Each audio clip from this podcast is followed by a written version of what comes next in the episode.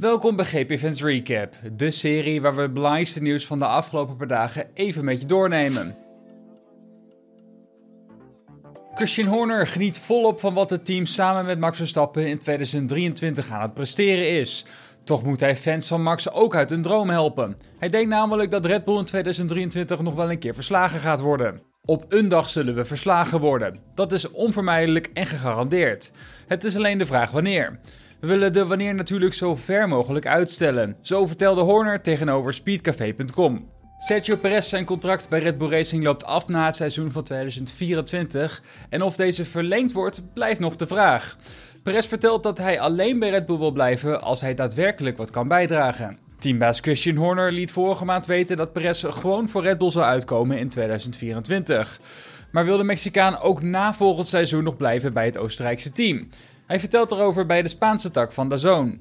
Ik denk dat het nu, met het seizoen dat we tot nu toe achter de rug hebben, belangrijk is voor de komende races om in een omgeving te zitten waarin ik het gevoel heb dat ik kan bijdragen. En als dat niet deze plek is in 2024, dan moeten we op zoek naar alternatieven. Maar momenteel ligt mijn prioriteit hier om races te winnen, om kampioenschappen te blijven winnen met Red Bull. Ik heb een contract voor tot en met het einde van volgend jaar en dus zullen we ergens aankomend seizoen samen zitten en in gesprek gaan. Carlos Sainz heeft afgelopen weekend in Monza voor het eerst dit seizoen op het podium gestaan. Het zou echter een bitter einde van het raceweekend worden voor hem, want eenmaal terug in Milaan werd hij namelijk beroofd. Sainz verliet zijn hotel rond half negen toen hij werd aangesproken door twee Zuid-Amerikanen. Volgens het Italiaanse persbureau Atten Kronos rukten ze een horloge te waarde van een half miljoen euro van de pols van de coureur en vluchten. Sainz twijfelde geen moment om de achtervolging in te zetten en kreeg hulp van meerdere omstanders op straat die ook achter de twee daders aanrenden. Uiteindelijk wist hij ze te pakken en de overvallers werden niet veel later meegenomen door de politie. Carlos kreeg zijn horloge terug en heeft een aanklacht ingediend tegen de mannen.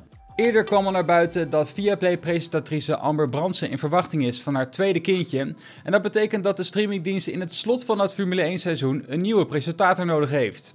Viaplay heeft gekozen voor Koen Weiland, die ook al voor de camera staat tijdens voetbaluitzendingen op Viaplay. De FIA heeft onderzoek gedaan naar de 10 teams in de Formule 1 om te achterhalen of deze zich hebben gehouden aan de financiële reglementen in 2022. De Autosportbond weet te melden dat het onderzoek nu is afgerond en is tot de conclusie gekomen dat alle teams binnen het budgetplafond zijn gebleven vorig seizoen. De FIA heeft laten weten dat het onderzoek naar het seizoen van 2022 een intensief en grondig proces is geweest. Teams kregen meermaals bezoekjes van de Autosportbond in hun fabriek.